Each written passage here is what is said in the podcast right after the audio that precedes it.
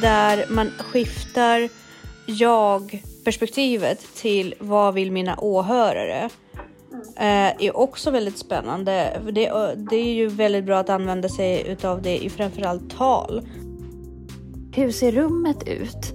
Vilka möjligheter finns? Också kroppsspråk. Hur levererar man den här eh, informationen? Vad vill du att dina eh, åhörare går härifrån med? Vad är din tes? Varför är det viktigt att de går härifrån med den här tesen? Och hur gör du på det bästa sättet att de går därifrån med den tesen? Ja, men alltså också att man håller ett tal som en person skulle kunna hållit. Det är som, som också föredrag i skolan. Man ska utnyttja att man är flera stycken. Man håller ett tal som en kunde hållit fast man bara delar upp det. Liksom. Då ska man ju utnyttja att man är flera stycken.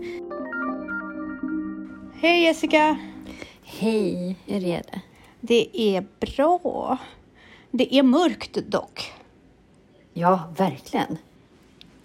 Har du redan besökt någon julmarknad? Nej. Kommer du att göra det? Är det något du gillar att göra framförallt?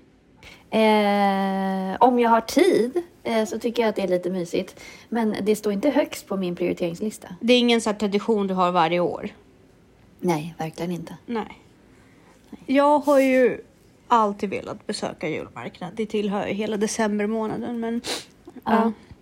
Jag tycker det är väldigt mysigt. Även om jag helt handen på hjärtat, jag tycker inte att de sakerna som säljs på julmarknad är bra. Nej. Jag tycker det är tråkiga saker. Men det, tyck, jag, det jag tycker om det är det folkmassan och smyck, utsmyckning och känslan av Mm. jul. Liksom högtid. Mm. Det tycker jag är ganska trevligt. Mm. Sen vill jag gärna bort det. Men jag tycker att Skansens julmarknad är jättemysig. ja, absolut. Och där tycker jag det är mysigt med så här tunnbröd och sånt. Det gillar Det är gott. Ja, ja men absolut. Det är lite mer lantliga. Ja. Jag var faktiskt på julmarknad redan i helgen och eh, det var Jägarförbundet som hade det utanför, Ja. utanför Vagnhärad i Tystberga. Och då Ja. är det nämligen så att jag för första gången i mitt liv så såg jag ett riktigt björnskinn.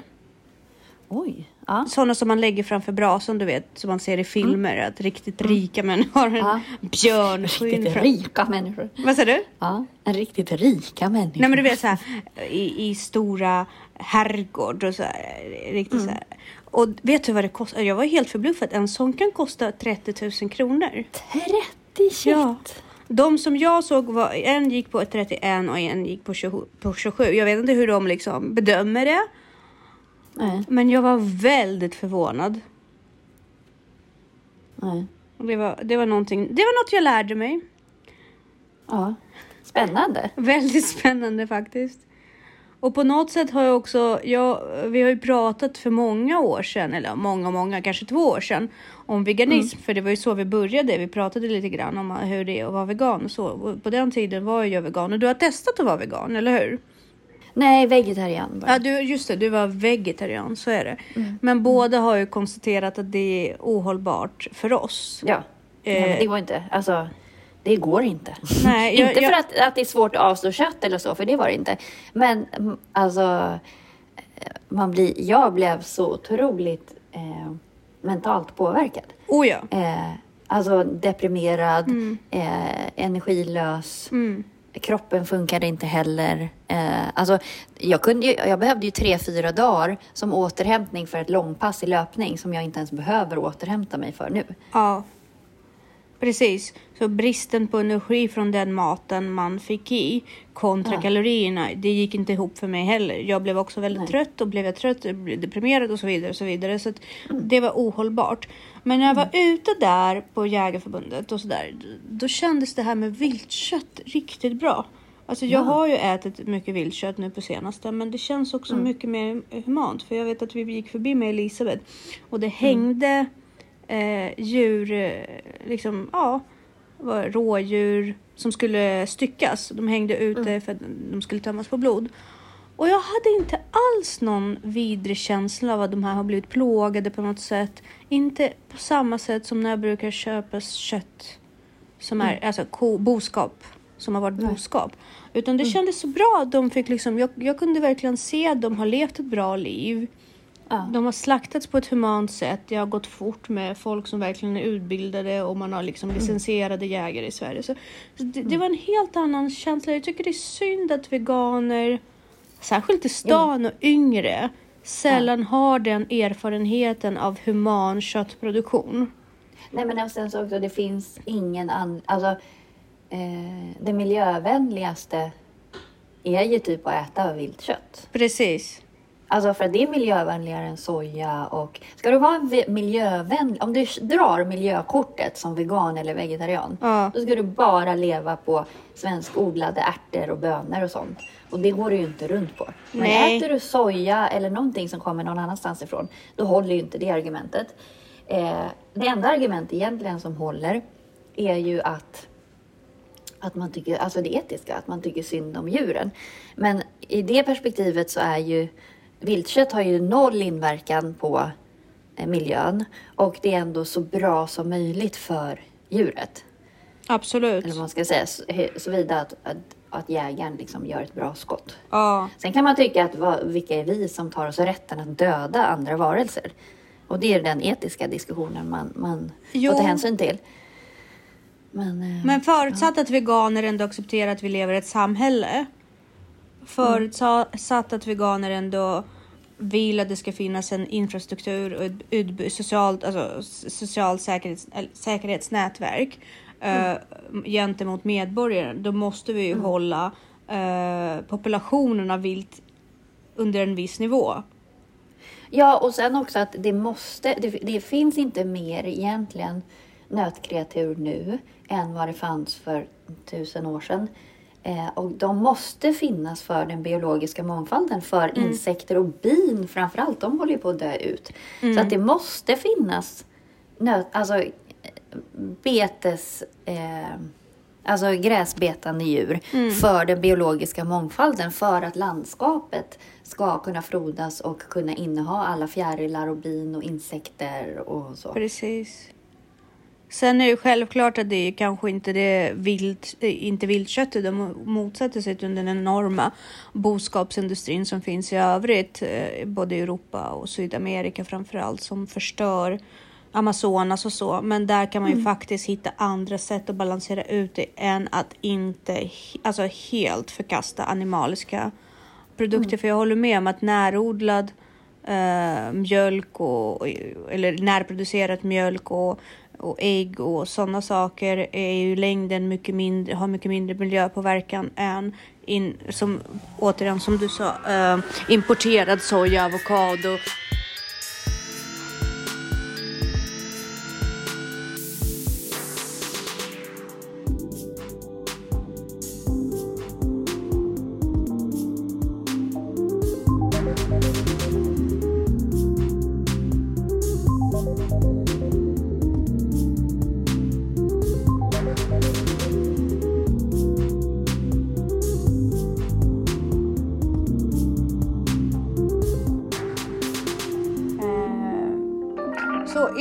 Ville vi prata om eh, hur man tänker fort och pratar inför en publik. Och det här är ju eh, någonting som är väldigt aktuellt för oss båda, för båda vi är pedagoger.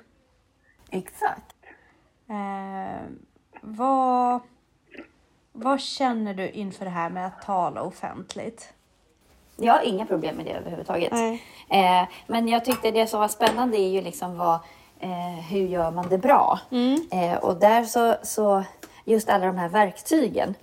Eh, att man, vilket man som pedagog använder sig självklart av, men alltså att man måste se till vad, vad kommer publiken med för förutsättningar? Precis. Och vad är det man vill få fram? Eh, så att det tyckte jag var superspännande. Ja, jag håller med. Och jag tycker att perspektivet där man skiftar jag-perspektivet till vad vill mina åhörare eh, är också väldigt spännande. Det, det är ju väldigt bra att använda sig utav det i framförallt tal. Det fick jag ju lära mig ganska tidigt i mitt liv att när man håller ett tal, då ska man ju verkligen inte prata om sig själv. Nej. Utan där ska man ju verkligen lyfta den man talar om i största Ja. möjliga mån och prata om den personen och till den personen snarare än om sig själv. Eh, har, har du varit med om offentliga talare som tänker väldigt mycket jag-perspektiv. Ja, jag tycker de flesta tal. Vi pratade faktiskt om det ganska nyligen för att jag skulle hålla tal till en kompis som gifte sig. Mm. Eh, och alla tips jag fick var så här, jo men berätta om eh, eh, alltså att det skulle vara väldigt fokuserat på henne. Och då kände jag så här, men det är ju ett födelsedagstal. Ett bröllopstal vänder man sig till båda. Och man pratar, jag ville prata mer om hur jag upplevde att den här relationen har påverkat henne. Och hur jag upplever att han betyder eller vad han gör för henne. Eh, och vad de gör tillsammans, vad, det här, liksom, vad deras relation gör. Eh, likadant som om, om jag skulle gifta mig till exempel skulle jag bli jättebesviken om någon pratade om så här, hur är Jessica? Alltså så här, eller jättebesviken ska jag säga, men alltså eh, antingen så vill man ju ha Nej, men man vill ju inte ha liksom så här J för jätterolig, E för entusiastisk, alltså de här ytliga Nej, talen. nej. Eller så här, ehm, att man, jag vill inte att någon ska lyfta mina egenskaper ur ett sånt ytligt perspektiv, utan man vill ju ha så här ur relationens perspektiv. Alltså förstår du vad jag menar? Jag förstår, Eh, jag hoppas jag tycker- att jag förstår vad du menar. Men det, Ja, men jag tycker du höll ett jättebra tal för mig när jag fyllde 40. Alltså, jag vill inte ha ytliga tal. Jag vill inte ha de här, eh, liksom... Antingen så vill man ha reda på alltså, så här, en situation, typ att det blir storytelling. Eh, eller så vill man att någon, att det finns en så här mening med. Alltså vad betyder den här personen? Vad betyder den här relationen? Vad betyder eh, Ah, Nej, ytliga tal gillar jag inte. Men Ja, jag håller med. Och sen när just det här med när du pratar om bröllop så är det ju verkligen vad jag förstår som också är min syn på det, eh, är att det är viktigt att lyfta relationen och inte bara ur förhållande hur den har förändrat kanske brudgummen eller, brudgum, eh, eller bruden, utan hur, hur den relationen överhuvudtaget förbättrar världen. precis. utvecklar Eller bara personen. Ja, men precis. Och hur, hur den här, hur sammankomsten av två själar har Ja. skapat någonting vackert tillsammans. För Exakt. det är väl supertråkigt om jag kommer till ett bröllop och sen så talar jag om, äh, säg att jag kommer då från din sida då, som, som är... Och så berättar du om hur bra jag var på att orientera. Exakt. Alltså, så bara, tråkigt. Som tonåring var Jessica, nej men Ja. det, det, och det känns ju också jättetråkigt och opersonligt. Därför att då är det nästan som att jag helt har missat den förändringen som du har Ja. genomgått eh, i, i, i relation med, med Danne. Och Mm. där tror jag att ehm, där tror jag att man får vara uppmärksam som vän till familjen eller eh, oavsett vilken sida att verkligen ta upp båda parter därför att oavsett vilken sida man kommer ifrån för där, där lyfter man ju, där, där, festen är för att hylla kärleken och Ja, föreningen. och oavsett så kommer du ju ha en fas på den personen som du känner bäst. Det går ju inte att komma ifrån. Ja, ja. Men man, det ska ändå inte, man, det ska inte vara där det börjar. Liksom. Någonstans får man ju... ja. Men jag kanske är jätteknäpp. Men jag tror också att människor är väldigt, väldigt rädda. Förlåt att jag bara högg på, men jag, det, jag håller med dig. Men jag tror att människor är rädda för att avstå från normen. För att offentliga tal sätter en press på att man håller sig till det som är fint, till det som är... Eh, men det handlar ju mest om att människor är okompetenta i själva talandet. Ja. Jag, nej, men jag tror ju nu inte att människor aldrig får tillfället Nej. att tala offentligt och göra det till en konst. Allting som engagerar en kan ju bli en konstform. Men om jag Ja, råkar... men då ska man ju, om man vill hålla ett tal, då måste man ju... Alltså det tar ju flera veckor att göra ett tal. Absolut! Det går man ju tänker på fililurar och liksom, det måste ju bli pinsamt att ställa sig där om man inte har något att komma med. Så Absolut. antingen så ska det ju vara väldigt hjärtligt. Det tråkiga är också om så här ett kompisgäng ställer sig upp och håller tal. Det kan jag tycka är tråkigt också. Att man, Alltså, är- att- att man på att något man- sätt gömmer sin ett- relation bakom Ja. i, i hela gänget. Ja. Ja, men alltså också att man håller ett tal som en person skulle kunna hållit.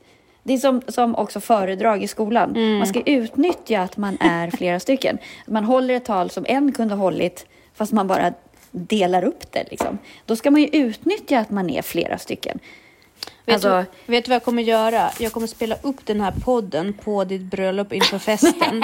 inför festen bara, förresten om ni ska hålla tal. Tänk på att ni måste pricka alla de här Nej, jag skämtar Ah, själv. jag är så vedervärdig människa. Alltså. Nej, det är du verkligen inte. Du, måste, du har ju rätt till din åsikt, Jessica.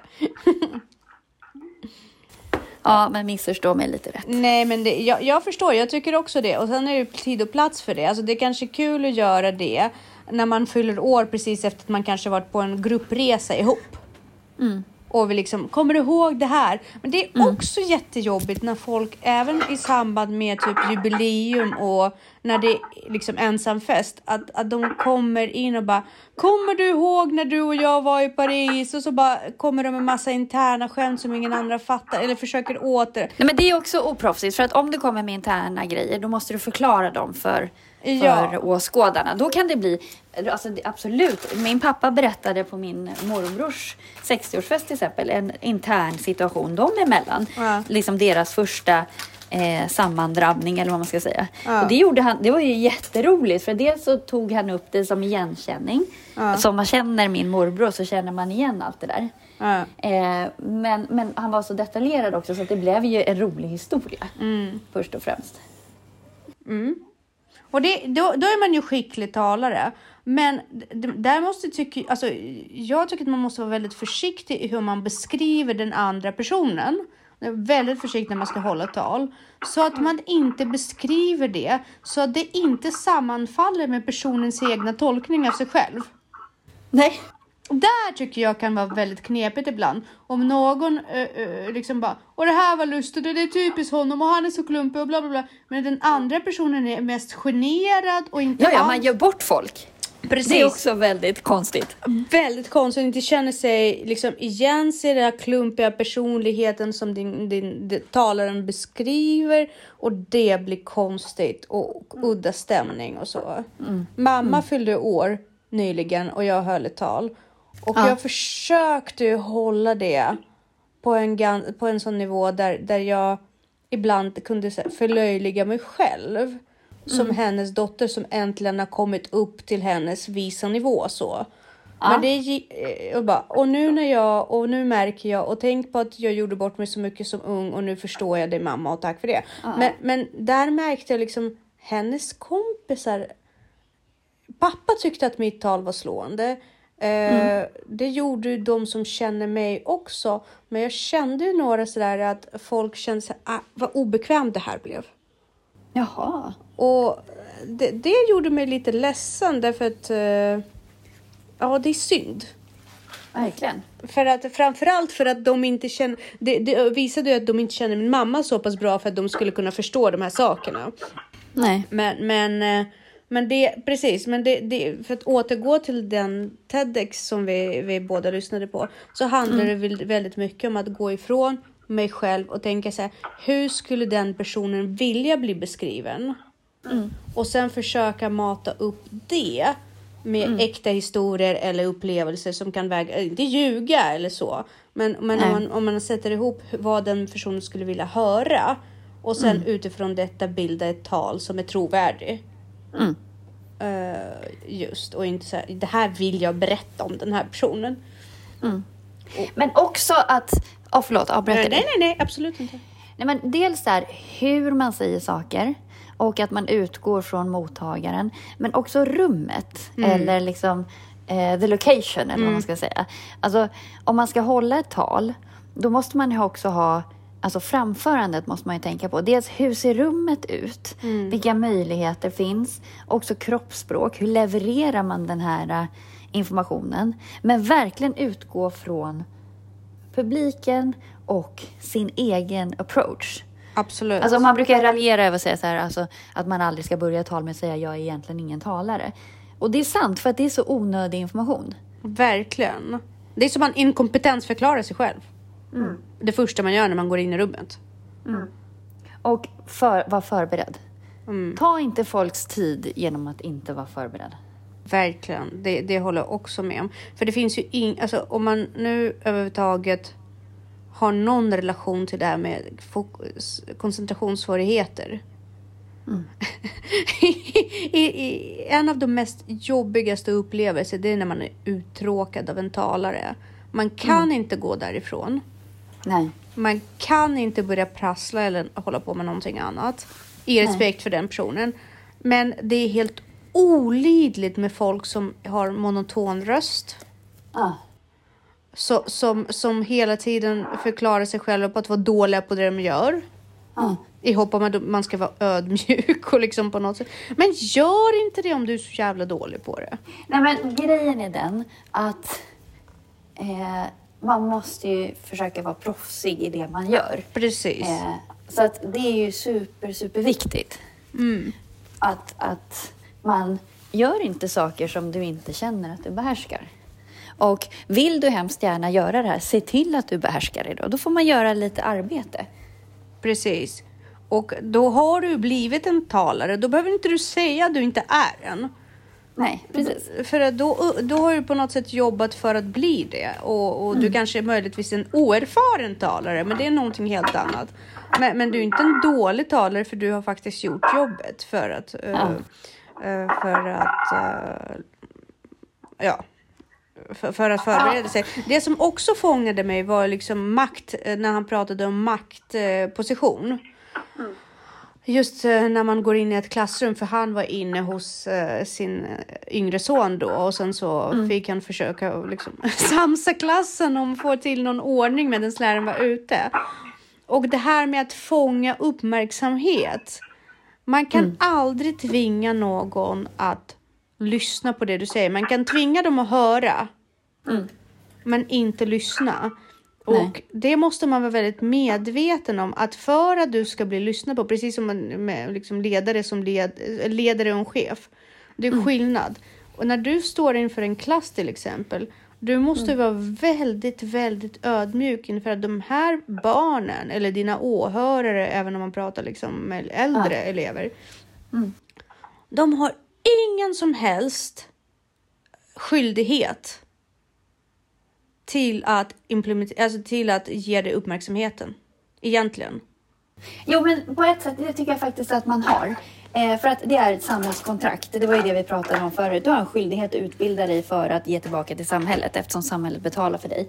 Eh, och du har en skyldighet att visa eh, hänsyn gentemot alla dina medmänniskor. Och i det här samhällskontraktet så ska du gå den här utbildningen. Då har du en empatisk och medmänsklig skyldighet att ge den personen då som står för den här utbildningen möjligheter att kunna göra det. För att, Absolut. Förutsatt att den personen är kompetent nog.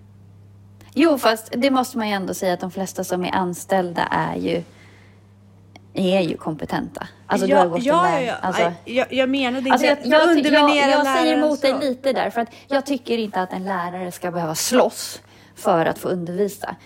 De Nej. allra flesta lärare är kompetenta. Man ska inte, det ska inte vara så att eleven sitter med armar och ben i kors och bara show me what you got. Det är inte det liksom nej, som är... nej, jag, jag tror att vi missförstår varandra. Alltså, Det är klart att eleven kan agera och det är klart att eleven borde uppföra sig och det är klart att eleven borde ha respekt för skolan som institution. Men du som lärare måste ju faktiskt inse att om du har valt att tala istället för att ge liksom, eh, en bok eller en direkt uppgift som är knuten, då måste du också kunna leverera den informationen på ett så pass proffsigt sätt att det är bättre än att ge dem en instruktionsfilm eller Absolut. en bok. Ja, men du, måste ju, du måste ju anstränga dig. du. måste ju, Du som lärare har ju en skyldighet att faktiskt leverera bra innehåll. Precis. Eh, men det har ju ingenting med... De ska fortfarande... Egentligen så ska de ju lyssna även fast innehållet är tråkigt. Men det är ju din empatiska skyldighet Ja. att inte wastea deras tid. Exakt. Och, och, och om du om du är någorlunda medveten om att du inte gör ett bra jobb i, i det här med att göra en föreläsning, att du kanske låter monotont eller inte klarar av att hålla rösten tillräckligt stark och gör inte det då. Eh, Utan använd andra metoder. Du kanske är superduktig på att spela in dig själv. Spela in dig själv precis. istället. Du måste vara väldigt självkritisk därför att annars visar inte du respekt för dina elever. Jag vet att jag har haft en lärare som har haft extremt monoton röst Jättemonoton röst och hade för vana att dra jättelånga föreläsningar och det var ju då på universitetet. Och det, det som gjorde saken värre var att hans, det fanns inga böcker kopplade till hans eh, lektioner så man var tvungen att, att lyssna på det här med, med, med, med. Och det, det var väldigt dåligt men det han gjorde bra var att han gjorde fantastiska anteckningar på tavlan. Så han kompletterade det med de bästa anteckningarna jag har varit med om. Så där jobbade han ändå. Han var medveten. Han jobbade med sig själv. Han pratade om Mesopotamien och de eh, fo- forna religionerna och det var ganska svårt tema att bryta ner. Och monoton och mycket och så. Men han, han gjorde fantastiska anteckningar på tavlan som han själv kom in i klassen och förberedde en kvart innan för hand. Precis, och där har du ju en skyldighet att inte villa bort, precis som en eh, liksom, guide. Du kan ju inte tappa bort gruppen när Nej. du är ute på guidning. Liksom. Så du har ju en, en skyldighet att hitta i området och en skyldighet att ha något att säga hela tiden. Eh, och en skyldighet att förklara syfte och, och mål och så för de som är lite lost från början. Och när vi ändå har pratat så mycket om Jordan Peterson så uh, pratas Struktur. struktur och du är skyldig att interagera med din publik. Du är det. Han, Men däremot, förlåt. det är ingen fara. Alltså, du behöver inte fråga eller sätta folk in the spotlight och liksom vad sa jag nu? Eller typ absolut inte det sättet och det tar ju vår föreläsare också. Man vill inte utsätta folk för chocken eller skapa otrygghet och sätta någon i strålkastarljuset utan den personen är förberedd. Det är bara elakt. Ja, och sen också har du den här lata föreläsaren Mm. som hela tiden lämnar föreläsningen åt publiken. Ja. Att de ska säga vad de tycker och tänker.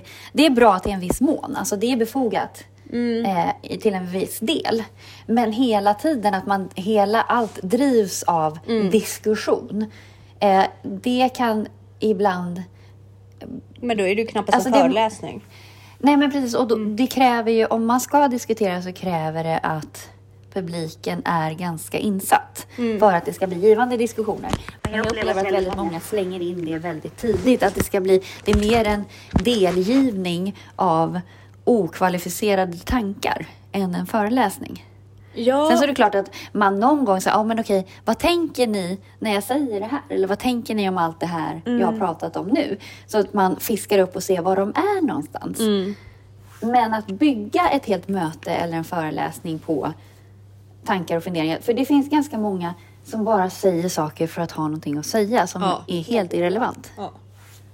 Och även i situationer där publiken kommer till en föreläsning där folk inte känner varandra. Att säga Mm. ta nu fem minuter och diskutera det här med den som sitter närmast dig. Den Ja. biten tycker jag är jättejobbig. Ja. Eh, därför att jag, det är en främling. Jag Ja, måste men och ha sen någon så form ger det sällan referens. något nytt. Ja men precis. Och man måste Alltså ha... föreläsning från en kompetent person hade gett mer. Ja, Och så, där får man också se skillnaden på så här fun to know och need to know. ja, Ibland tar fun to know över väldigt många möten och föreläsningar. precis. Och, Att man inte ser var landar det här, vem behöver det här? Ja, och det var ju väldigt bra uh, poängterat också med det här. Vad är det? Vad är det bra för och vart ska det leda? Och att man aldrig kommer ihåg att man alltid kommer ihåg att det finns ett syfte. Det måste finnas ett syfte. Vad vill du att dina eh, åhörare går härifrån med? Vad är din tes? Varför är det viktigt att de går härifrån med den här tesen? Och hur gör du på det bästa sättet att de går därifrån med den tesen? Därför din skyldighet är inte för att stryka med ditt ego när du talar. Det är faktiskt att förmedla information i syfte att bygga någonting. Att syfta att nå något mål. Eh, även, ty, jag tycker även att när man pratar tal till personer som man, man, liksom, i, i samband med bröllop. Varför står du här och ordbajsar? Ja, precis. Vad vill du säga? Vad Och ibland vill man ju bara säga tack och då räcker det bara säga ja, tack. Precis, och det är väl också jättebra. Liksom, om, man, om mans mamma eller pappa fyller år och så står man där och är man kluven. Tack för att du har varit här hela de här 60 åren. Fortsätt att vara här. Ja, Och det, det är också okej, men det måste vara genuint. Och det får inte handla om talaren själv i den bemärkelsen. Det är bara uttalanden för att stryka hans ego. Väldigt hemskt. Precis. Ja, nej men det här är viktigt att tänka på så att jag tycker att eh, ja, det är viktigt. Man kan säga så här, om man har ödmjukheten att, Mm. att tänka på sin åhörare så kan man ju också hoppas på att talaren i sin tur kommer ha ödmjukheten mot dig som åhörare. Och, och det måste vara en kultur som man utövar som talare, att man faktiskt tänker utifrån sin åhörare, åhörares perspektiv. Det är ju de som är kunden, de måste gå därifrån med en produkt. Eller med en Precis. tjänst, någonting. Och inte bara, okej det här var trevligt, kom igen. Nej, men jag håller med. Kort och koncist. Verkligen. Och som den här podden för övrigt. Exakt. Ska vi sätta punkt men- där för idag? Ja, bra, bra inputs. Verkligen. Vi hörs nästa vecka. Det gör vi. Hej! Hej, hej!